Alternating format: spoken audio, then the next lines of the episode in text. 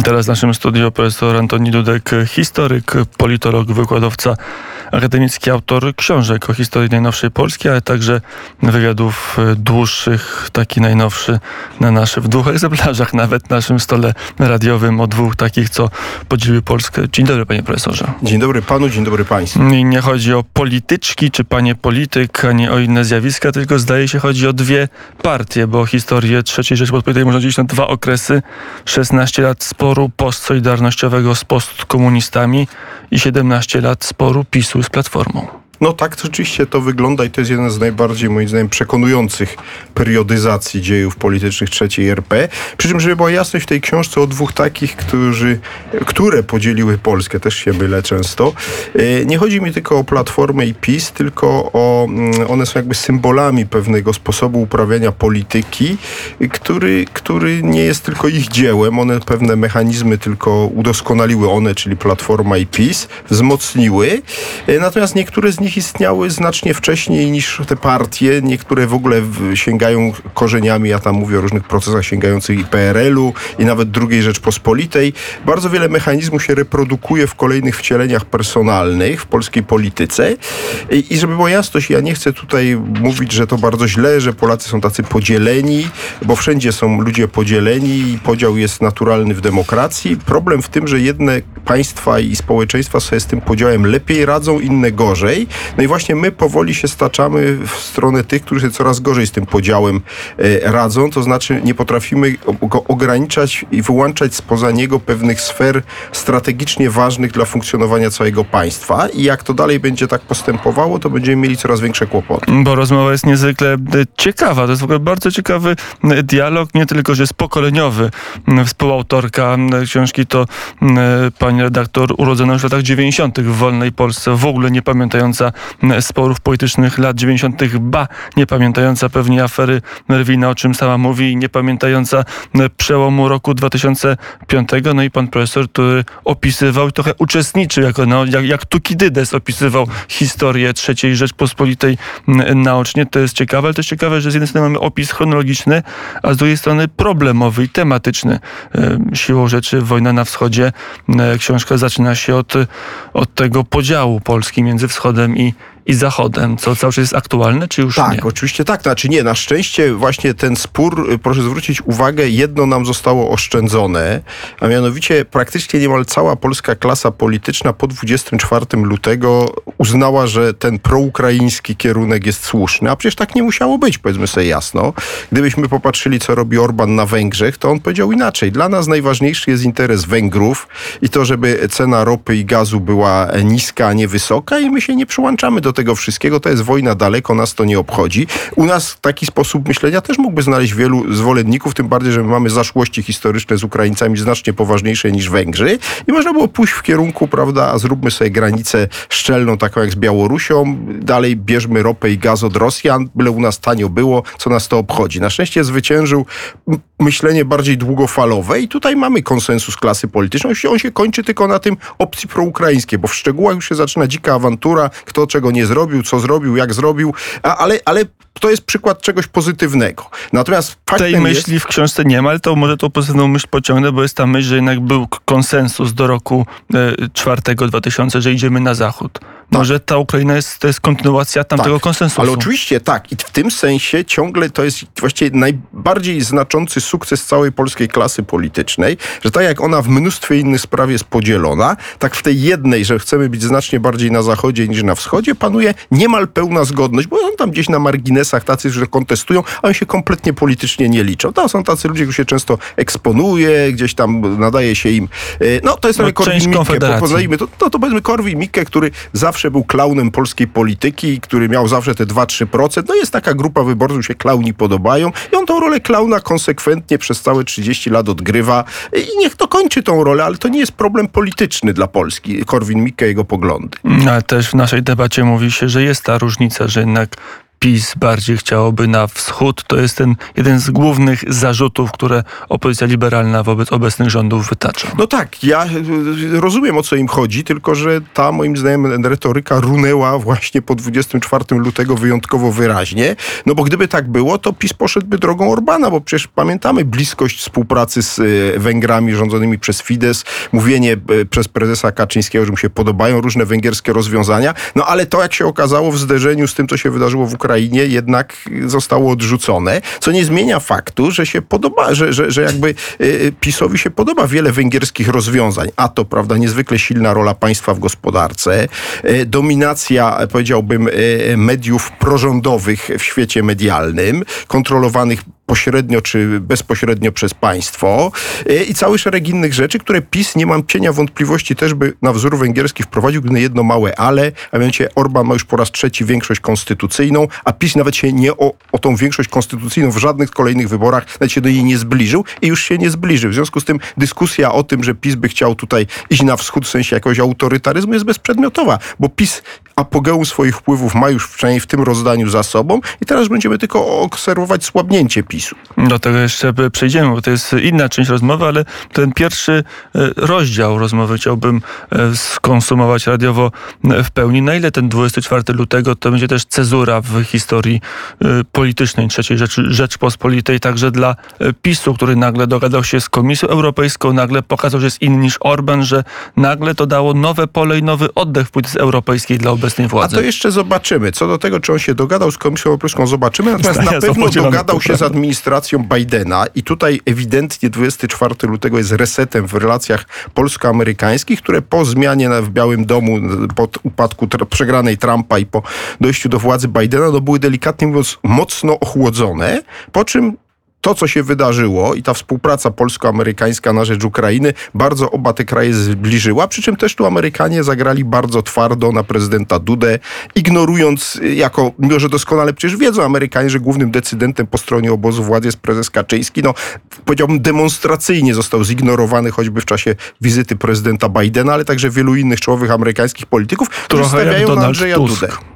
Słucham? Trochę jak Donald Tusk z innej strony No, ale patrząc, Donald a tam Tusk- był Rafał Trzaskowski. no tak, to też to jest tak, podkreślane, Tak, że to prawda. Oczywiście Amerykanie też najwyraźniej nie pokładają nadziei w Donaldzie Tusku, co mnie zresztą nie dziwi, bo oni pamiętają ten kurs proniemiecki swego czasu Donalda Tuska, to e, dystansowanie się od Amerykanów i tutaj e, bardziej liczą na Trzaskowskiego. Kompletnie mnie to nie dziwi. To jest też kwestia pokoleniowa. No, może oni zakładają, że e, właśnie czy Duda, czy, czy, czy Morawiecki, czy z drugiej strony, mm, czy z drugiej strony Trzaskowski, to jest przyszłość polskiej polityki, natomiast Kaczyński i e, Tusk to jest teraźniejszość i przeszłość polskiej polityki, ale już raczej nie przyszłość. ta wojna może dać nowy konsensus polskiej klasie politycznej co do polityki zagranicznej. Wie pan, no bardzo chciałbym, dlatego że to będzie, to będzie trudne. E, Na razie tego nie widać, choć ten zasadniczy fundament jest, no bo generalnie nikt nie kwestionuje e, kierunku na zbliżenie z Amerykanami, nikt nie podważa tych zabiegów rządu polskiego i prezydenta o większą obecność amerykańską w Polsce. Nikt mówi o, o tej głównej części opozycji. Mamy, mamy tą ustawę o obronie ojczyzny, za którą opozycja też głosowała, która zakłada skokowy y, wzrost wydatków na obronę z 2 na 3% PKB. Z wyjątkiem pięciu posłów Konfederacji, którzy się wstrzymali, ale, dobrze, to był No ale margines. To, ale to jest kompletnie bez Lewica, znaczenia. Zawsze się PSL, ktoś wstrzymuje. No umówmy się, nie będziemy mieli nigdy pełnej i chwała Bogu jednogłośności w parlamencie, ale to w ogóle nie ma znaczenia. Co jest istotne, to to, że niestety obie strony, delikatnie mówiąc, y, pominęły jeden przykry aspekt, o których ja zwracam uwagę, ja nie jestem politykiem, mogę sobie na to pozwolić, a mianowicie ani rząd, który tak ochoczo triumfalnie zwiększył te wydatki, ani opozycja, która to tak poparła, nie powiedziały jedno prostego pytania. Czyim kosztem się ten wzrost odbędzie? Czy jakie obszary funkcjonowania państwa zapłacą za ten, który ja popieram, żeby była jasność, wzrost wydatków na obronność, tylko to się czyimś kosztem odbędzie. I teraz dopiero pozwoli, będzie się w kolejnych latach odsłaniało, kto dostanie po kieszeni, żebyśmy mieli więcej broni. Najprawdopodobniej przyszłe pokolenie. No ale to Nie, już- nie, nie przyszłe pokolenie, bo to się w ciągu najbliższych paru lat odbędzie. Dzisiejsi płatnicy, yy, oczywiście to częściowo będzie na kredyt, ale powiedzmy sobie jasno, ten kredyt nie będzie do spłacenia za 20 lat, tylko trzeba będzie go od razu zacząć spłacać. Także nie, proszę się nie łudzić. My też za to wszyscy z naszych tak powiem, bieżących podatków zapłacimy, pewnie kosztem wielu innych przedsięwzięć, no ale takie są realia międzynarodowe, ja tego nie kwestionuję. W ramach tego konsensusu to jeszcze jedno, jedną stolicę, jedno państwo m, chciałbym wymienić. Y, Niemcy, które wyraźnie osłabły, Niemcy, gdzie się Platforma widziała bliskiego współpracownika, teraz chyba tak nie można. się pokazuje, że, że ten konsensus jest. Tu Ukraina, która chcemy, żeby była w Unii Europejskiej, a tu Stany, które okazały, okazały się być jedynym realnym gwarantem bezpieczeństwa. Tak, tylko ja bym w sprawie tego osłabienia Niemiec yy, był ostrożny, bo oczywiście zgadzam się, że ta prorosyjska polityka Niemiec się załamała. W Niemczech się toczy olbrzymia walka wewnętrzna, yy, jakby między tą frakcją czy frontem prorosyjskim, a tym bardziej wobec Rosji twardym. Zobaczymy, jak to się skończy nie potrafię tego powiedzieć. Natomiast wiem jedno, Niemcy już podjęli decyzję, która za kilka lat będzie uchodziła być może za największy dla Europy skutek wojny w Ukrainie, a mianowicie podnieśli do 2%, czego się zresztą od dawna od nich domagali Amerykanie, do 2% swojego PKB wydatki na obronę, co oznacza, że w ciągu 5-7 lat Niemcy będą mieli najpotężniejszą, najbardziej nowoczesną armię w Europie. Z wszystkimi tego konsekwencjami, bo rzeczywiście dotąd Bundeswehra była delikatnie mówiąc armią niedoinwestowaną i, i, i w kiepskiej kondycji, ale jeżeli oni rzeczywiście zaczną około 100 miliardów euro co roku przeznaczać na obronę, to jak mówię, po 5-7 latach będą może nie mieli najliczniejszej armii w Europie, bo tu pewnie Rosjan nikt, i pewnie Ukraińców nikt nie przebije, ale będą mieli najnowocześniejszą armię. I to jest coś, co może w pewnej konfiguracji dalszej okazać się niezwykle istotne dla naszego układu sił w Europie. Więc ja bym był ostrożny z mówieniem o osłabieniu pozycji Niemiec. Jedno z tej dyskusji wiemy na pewno, Polska jest znacznie bardziej zamocowana na Zachodzie niż była przed 24 lutego. Tak, jesteśmy zdecydowanie bardziej, zwłaszcza z Amerykanami. Y, tutaj ten sojusz polsko-amerykański został bardzo mocno y, utrwalony, natomiast no, pamiętajmy, że to jest na lata, ale niekoniecznie na dziesięciolecia, bo nie wiemy, co się stanie na przykład, jak ta wojna zacznie wygasać y, i Amerykanie wrócą do swojego dawnego trendu odwracania się generalnie od Europy, który się teraz na szczęście dla nas załamał, ale jest pytanie, na jak długo on się y, załamał, bo on może wrócić w te tory azjatycko-wschodnioazjatyckie Pacyfiku y, w ciągu kilku lat i wtedy nagle się okaże, że myśmy zyskali tylko trochę czasu. To ja dalej będę przełamywał pana profesora profesora Pesymizm, kolejna część e, książki to upadek myślenia państwowego, a może ta ustawa o broni ojczyzny to jest taki element, że jednak to myślenie państwowe gdzieś jest i to jeszcze jest e, w obszarze konsensusu politycznego. Jest, ale pod jednym warunkiem. Proszę zwrócić uwagę, że teraz w ramach tej ustawy PiS zamawia konkretne różne rodzaje broni i ma pewną wizję e, rozwoju sił zbrojnych ale czy ona została uzgodniona aby z opozycją, bo ja o tym nic nie słyszałem. I co nam teraz grozi? To, co jest przekleństwem polskiej polityki ostatnich kilkudziesięciu lat nieciągłość. Znaczy nie możemy wykluczyć, że następny rząd, gdyby PiS się nie utrzymał przy władzy, zacznie wywracać do góry nogami te różne słuszne czy niesłuszne, ale w każdym razie przyjęte przez PiS przedsięwzięcia w, w, sferze obrony. Karakale. No więc właśnie, mamy historię z karakalami, które PiS z kolei wykopał i, i co? I żadnych helikopterów do dziś dzień nie ma. I to jest właśnie to, co nam grozi. Otóż ja bym bardzo chciał, żeby za ustawą o obronie ojczyzny szło porozumienie ponadpartyjne między głównymi graczami, że przez najbliższe 15 lat polskie siły zbrojne się w określonym kierunku rozwijają, bez względu na to, kto przez te 15 czy 20 lat Polską rządzi. I to jest kwestia konkretnego wyboru, konkretnego. No wiemy, że już kupimy F-35, że kupimy Abramsy, okej, okay, tego żaden następny rząd raczej nie od, będzie próbował odwrócić, ale jest jeszcze całe mnóstwo innych decyzji, na przykład rozmieszczenie e, tych, tych, tych, tych samolotów czy tych czołgów i, i cały szereg innych zakupów, innego uzbrojenia mniej spektakularnego, e, które jeszcze przed nami i coś z tym by należało e, zrobić, żeby to się nie zmieniło zmieniało, mówię, co, co, co kilka lat, a to nam grozi. E, ta myśl, to jest w tym rozdziale, że ostatnim rządem, który myślał tak bardzo państwowo, to był rząd Jerzego Buzka, był rząd AWS-u e, do pewnego czasu w koalicji z Unią Wolności. Cztery duże reformy, które dla tych dwóch partii skończyły się polityczną katastrofą. Tak, dokładnie tak i to tak przeraziło resztę polityków, że już nigdy później nikomu nie przychodziło do głowy, żeby zaryzykować możliwość przegranej wyborów w imię jakiejś koniecznej reformy. Efekt jest taki, że mamy na przykład przez 20 ponad lat rozbabraną służbę zdrowia, bo chociaż wszystkie kolejne rządy solennie nam obiecywały, że one już to naprawią, zreformują. Nigdy żaden tego tak naprawdę nie próbował ruszyć, bo się bał przegrać kolejne wybory. I jeszcze jest parę innych obszarów, może mniej spektakularnych jak służba zdrowia, które sprawiły, że te reformy, no cała reforma edukacji. Teoretycznie tu PiS przeprowadził reformę edukacji, tyle tylko, że ja nie mam poczucia, że po tych reformach, i mówię tu o, zarówno o reformie e, szkolnictwa wyższego e, Jarosława Gowina, jak i o tej reformie e, pani Zaleskiej, że ona, polska szkoła jest w lepszym stanie. Obawiam się, że jest w gorszym, ale w książce o tym dużo mówię, nie chcę tego wszystkiego tu rozwijać. Moim zdaniem po prostu reformuje się nie to, co się powinno reformować. Reformuje się to, co zreformować jest najłatwiej i można powiedzieć, spektakularnie, czyli organizację szkolnictwa. Czy są gimnazja, czy nie ma i to rzekomo jest panaceum, że nie ma gimnazjów, to będzie lepiej, to jest bzdura. Sedno szkoły tkwi przede wszystkim w poziomie nauczycieli, a tego się nie da w 4 lata zmienić, który jest po prostu za niski. Po drugie w liczebności klas i tu się zaczynają pseudooszczędności, chociaż mamy niż demograficzny i klasy mogłyby być mniejsze, to niestety i tu jest już wina nie tylko rządu, ale i samorządu także, że oszczędzano na tym i dalej pompowano za duże klasy. No i oczywiście jest kwestia generalnie programów nauczania, y, które są znowu obszarem wojny ideologicznej między lewicą a prawicą, a jakby kompletnie jest to na poziomie takim, że jedni by chcieli wychowania seksualnego, a inni by chcieli więcej religii, ale tak naprawdę y, to jest moim zdaniem kompletnie na marginesie tego, co jest sednem sprawy, a mianowicie, że się zmienił w ogóle świat y, i dzisiejsi młodzi ludzie nie powinni być uczeni w ogóle w ten sposób jak w XX wieku, czyli faszerowani wiedzą faktograficzną, bo to nie ma sensu większego. Powinni być uczeni innych rzeczy niż uczono w XIX i XX wieku. Wyszukiwania informacji, między innymi o tym. I analizy krytycznej tych mówi, informacji. E, w książce tak. się dość dużo, ale interesuje mnie, co też się pojawia, że jednak zdanie pana profesora PiS szedł w odróżnieniu od Platformy, trochę do władzy jednak z takim zamysłem reformatorskim. E, był ten plan Morawieckiego, różnie go można oceniać, ale tam było powiedzmy te 200 kilka, prawie 300 stron różnych pomysłów, różnych programów.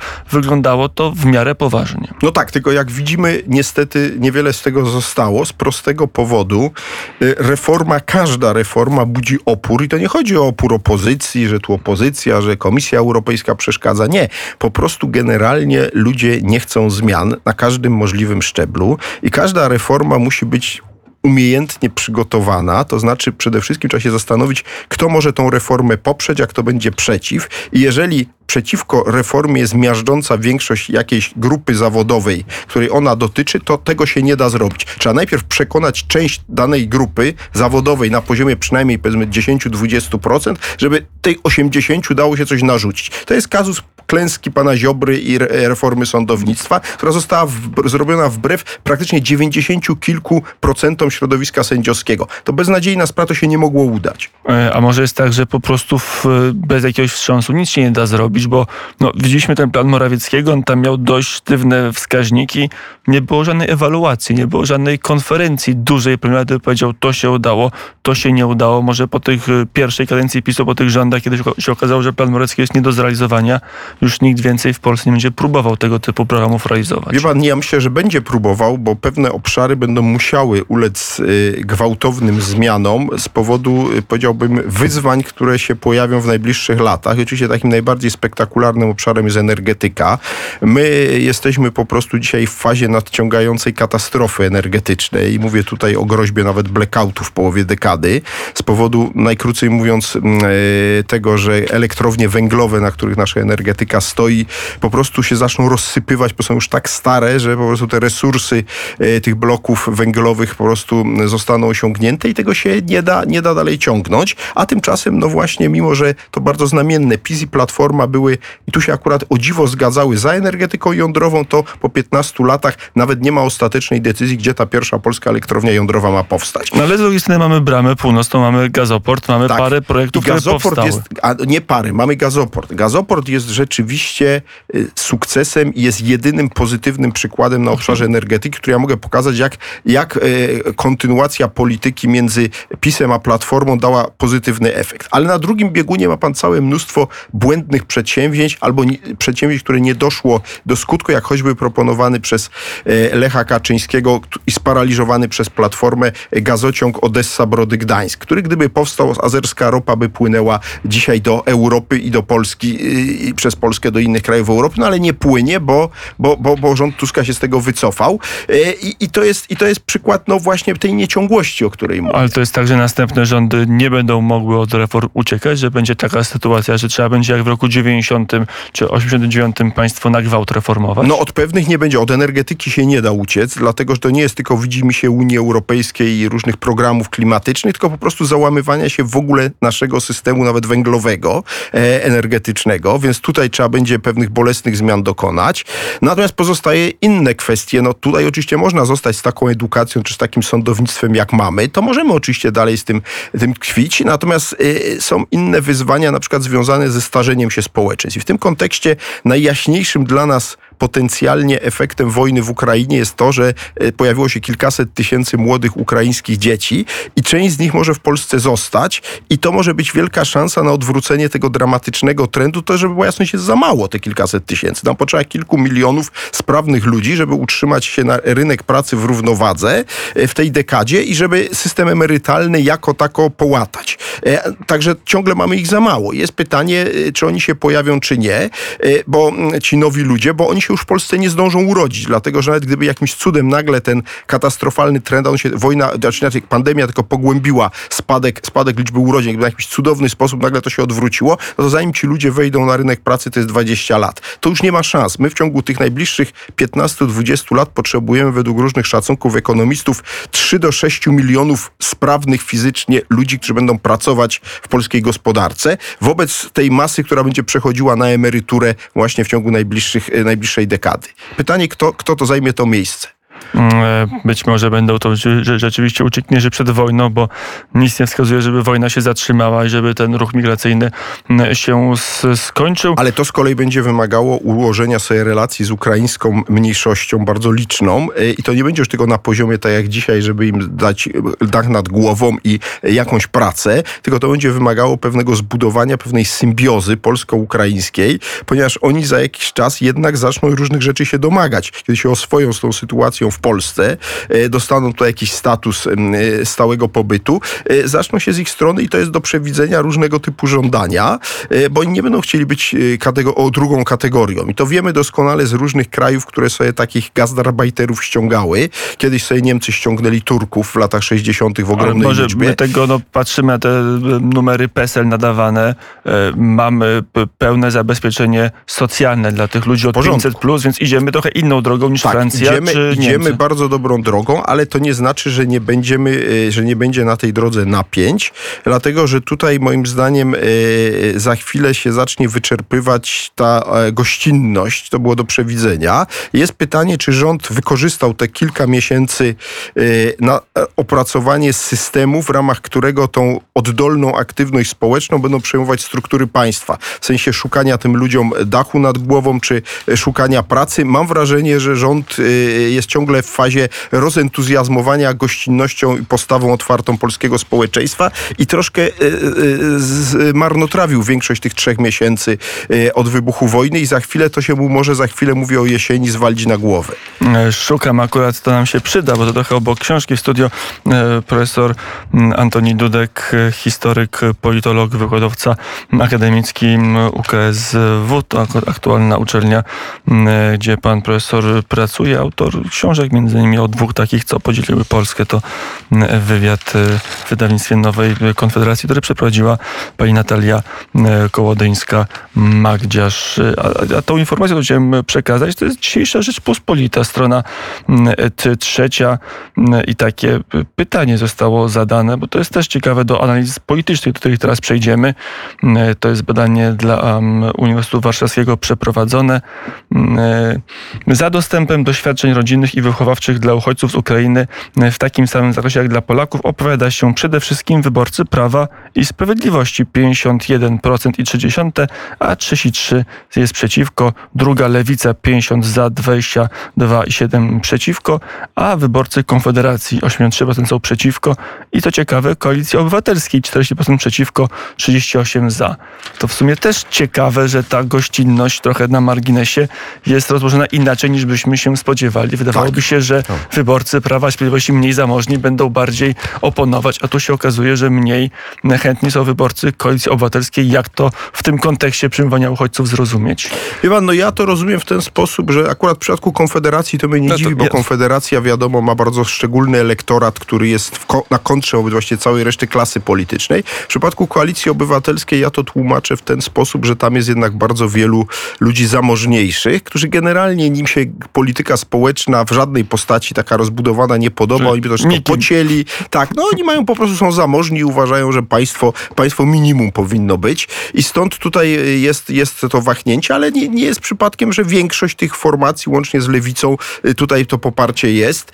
Y, No cóż, mnie, to- mnie to aż tak bardzo nie zaskakuje. Cieszy mnie, że ta proporcja jest ciągle taka, a nie inna. Natomiast moim zdaniem to się zacznie z czasem zmieniać, y, dlatego że no, czeka nas epoka, co już nawet pani minister finansów, zdaje się wczoraj czy przedwczoraj powiedziała, zaczyna, trzeba będzie zacisnąć pasa. To jest coś, o czym ja mówię od dłuższego czasu. Mówiąc szczerze, zacząłem mówić, jak się pandemia zaczęła, tylko później y, okazało się, że rząd był w stanie wykierować na tyle tych, dużo tych tarcz finansowych i wykierować na tyle pieniądza dużo, że to zostało w pierwszej fazie złagodzone. No ale widać, że ta faza minęła i teraz mamy pierwszy efekt tego wszystkiego, czyli inflację, y, która oczywiście też nie wynika wyłącznie z wewnętrznych przyczyn, ma też zewnętrzne przyczyny, no ale tak czy owak, wszystko to ma gdzieś praźródła wybuchu pandemii i obawiam się, że mimo, że pandemia, mam nadzieję, już szczęśliwie jest w większości za nami, no jeszcze zobaczymy jesienią, to skutki ekonomiczne będziemy znacznie dłużej odczuwać niż te dwa lata. To przejdźmy do polityki. Mam tutaj fragment, ale też zanim fragment y, i, i temat, który może być od razu na początek y, przedmiotem boju, jeżeli wygra opozycja wybory, to ogólna konstatacja 16 mm, lat y, podziału postkomuna, postsolidarność, teraz 17 lat Platforma, Prawo i Sprawiedliwość, cokolwiek by wskazywało, że ten podział może się skończyć, panie profesorze, że będzie, jakaś inny, że będzie jakiś inny podział, a nie na e, Platformę. Na razie nic na to nie wskazuje. Moim zdaniem, gdyby miał powstać jak, jakaś zmiana, to pierwszym sygnałem będą wybory prezydenckie.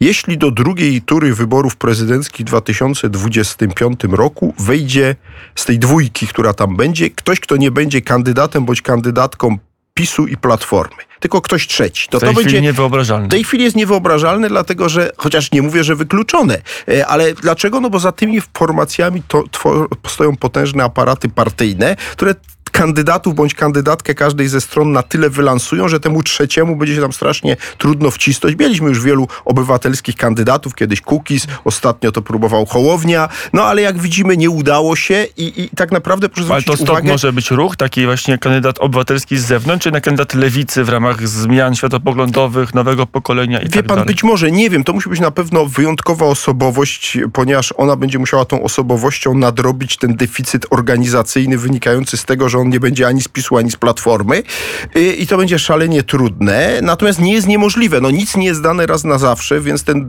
ten, duopol pisowsko-platformowy też nie jest dany raz na zawsze, ale na razie ma się świetnie i moim zdaniem powrót Tuska, nawet go muszę powiedzieć, fizycznie reanimował już w takiej postaci pierwotnej, bo prawda, jak ten Tusk odszedł, to się wydawało, że on już jest taki nie do końca, jakby tam, prawda, ten Budka czy ktoś inny, to wszystko już troszkę inaczej ale powrót Tuska, można powiedzieć, zatoczyliśmy koło, prawie wróciliśmy do punktu wyjścia z 2005 roku. Tylko teraz Jarosław Kaczyński i Donald Tusk nie biją się o prezydenturę. Nie ma już Lecha Kaczyńskiego, ale biją się o, biją się o Znaczy, funkcję je, premiera. doprecyzujmy, oni nigdy obaj ze sobą nie walczyli. Jarosław walczył z e, Komorowskim, a Lech Kaczyński Kaczyński walczył z Tuskiem. tak jest. no ale, ale nie zmienia to faktu, że Obozy. oni ci dwaj personifikują te obozy, które z hukiem weszły na scenę e, w 2005 roku. Ale w 2000 właśnie jeden i drugi walczył o prezesurę Rady Ministrów wtedy. Tak, Donald, tak, tak, oczywiście. e, Już po tym, kiedy To zwłaszcza nie było... 2007 słynna debata Jarosława Kaczyńskiego, Donalda Tuska przed wyborami 2007, którą zresztą Jarosław wtedy przegrał, jak sam przyznawał, bo był chory. W każdym razie Tusk go tam zarzucił tymi cenami artykułów e, spożywczych. To były te słynne pytania, którymi Jarosław miał problem. No i cóż, no wtedy... Osiem wtedy lat e, rządów, e, Platformy. Zaczęło, zapoczątkowało to 8 lat rządów Platformy. Teraz będzie powrót do Platformy. No wie pan, na pewno sądząc po sondażach, jeśli PiSowi nie uda się wygrać wyborów, no to Platforma będzie głównym graczem po stronie opozycyjnej, ale na razie moim zdaniem rokowania są takie, że to PiS będzie miał największe szanse tworzyć kolejny rząd. E, Tyle tylko jest pytanie, czy znajdzie koalicjanta, ponieważ ja uważam, że dzisiaj bardzo prawdopodobne jest, że największy klub w Sejmie kolejnym będzie miało Prawo i Sprawiedliwość. Rzecz w tym, że jest z kolei mało prawdopodobne, żeby ten klub miał powyżej 230 posłów, a skoro tak, to PiS będzie musiał poszukać koalicjanta. I teraz to jest możliwe, przy życzliwości prezydenta Dudy i wtedy ten układ przetrwa do roku 25 do wyborów prezydenckich.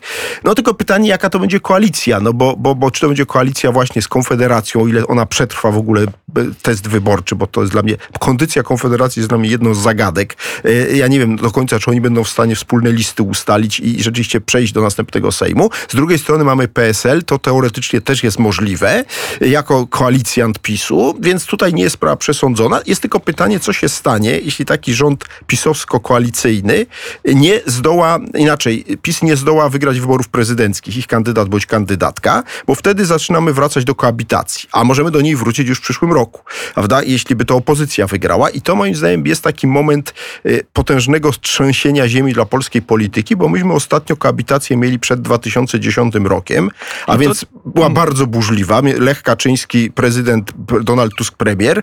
Ale oni to... się znali i to chyba mógł być inny poziom emocji niż będzie teraz. No wie pan, ja myślę, że prawdopodobieństwo, że się przyszły premier z prezydentem nie będą znali też jest małe, bo no, generalnie polity świat polityczny. Tylko problem polega na tym, że przez te 12 lat te podziały poszły jeszcze dużo, dużo dalej niż do 2010 roku. I ja twierdzę, że grozi nam następna koabitacja będzie jeszcze burzliwsza od tej poprzedniej i grozi nam zablokowanie systemu politycznego i to będzie taki moment krytyczny i albo pójdziemy w kierunku właśnie tego, co ja się domagam i co apeluję, pewnego jednak e, opanowania i jakiegoś konsensusu wyłączenia pewnych obszarów ze sporu bieżącego i to będzie scenariusz optymistyczny, albo pójdziemy w kierunku niestety jeszcze znacznie głębszego sporu politycznego i wojny politycznej niż dotąd i, i niestety to jest równia pochyła i to się może bardzo źle skończyć. A jakbyśmy patrzyli w sferze języka, bo to też jest fragment w tej książce, kiedy pan profesor mówi, że jednak ten język się po pierwsze bardzo mocno wulgaryzuje i on jest wyraźnie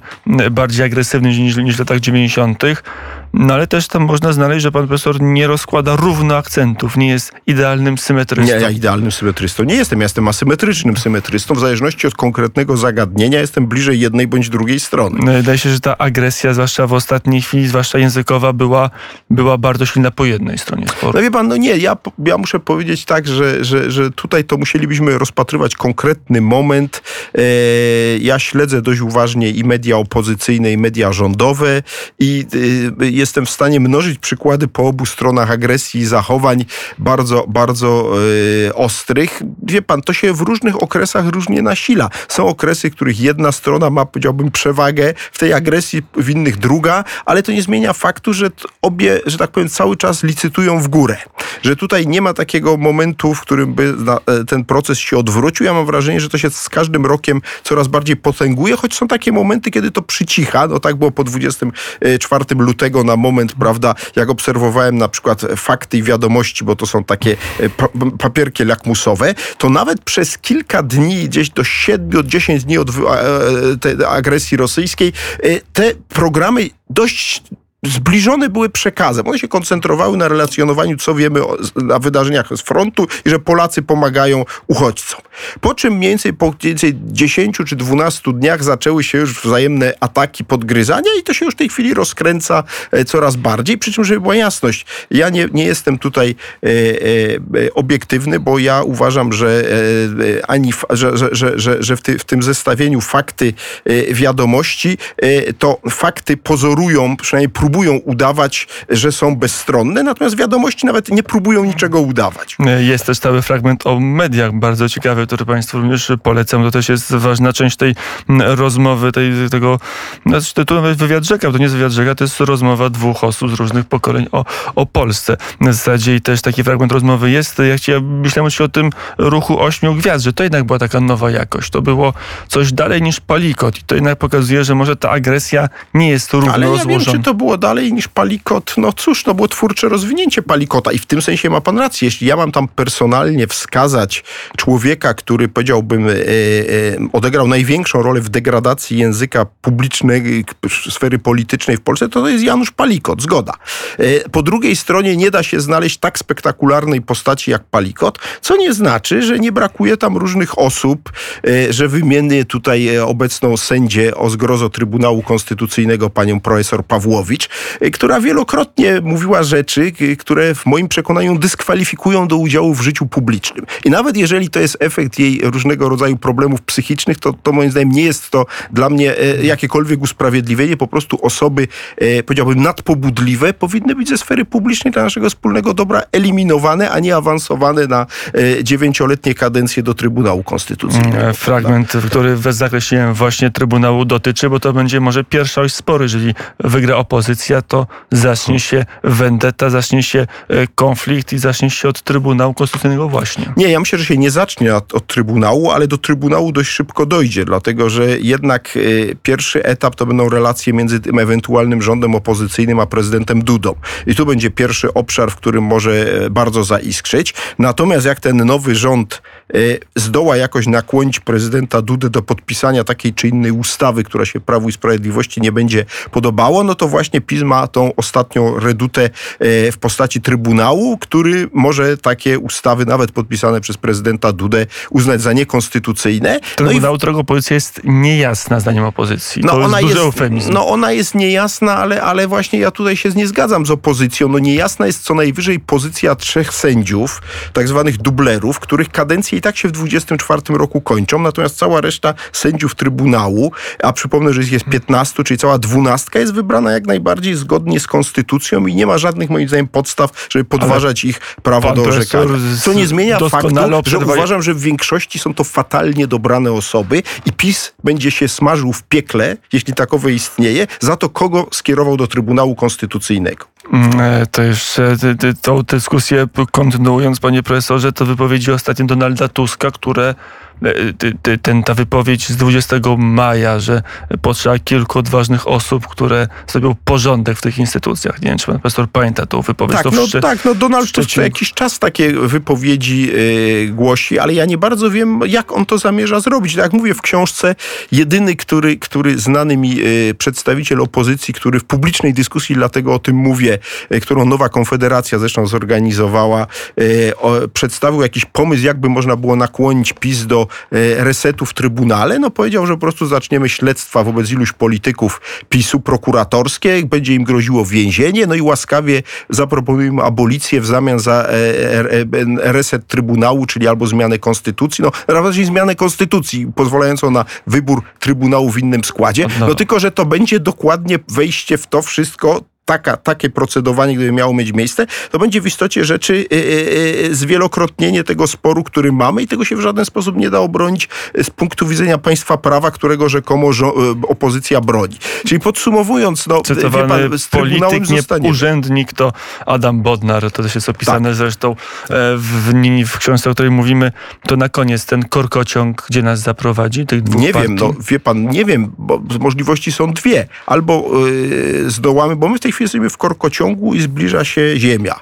Ale to nie znaczy, że w ostatniej chwili, jak na wielu filmach, nie odbijemy w górę. No a jeśli nie, no to tak jak mówię, ta koabitacja, gdyby poszła w złym kierunku, e, no to możemy się nie wyrobić przed tą ziemią i możemy w nią uderzyć wszystkimi tego konsekwencjami, ale tu będzie bardzo wiele też zależało od sytuacji gospodarczej, od e, tego, co nasz protektor amerykański będzie robił, bo powiedzmy sobie jasno o tym, żeśmy nie mówili, a w książce o tym yes. mówię. Polska jest w amerykańskiej strefie wpływów i wpływy amerykańskie w Polsce są bardzo duże i raczej w, tym, w ostatnich latach, a nawet w ostatnim roku gwałtownie wzrosły. To tam są ciekawe z lat 90., tak, nawet co do podaję przykłady lewicy, tak, tego paternalizmu amerykańskiego. Żeby była jasność, ja go wolę od innych scenariuszy alternatywnych, tylko nie ma co tego ukrywać. Amerykanie mogą tu odegrać rolę stabilizująco hamującą i oby tą rolę odegrali, ale niestety może nam się też przytrafić to, że ten amerykański spadochron nie zadziała, bo Amerykanie za kilka lat uznają, mamy dość tej Polski z jej kłopotami w ogóle Ukrainy, bo tam się wszystko e, posypało i tak jak się kiedyś wycofali nie tak dawno z Afganistanu,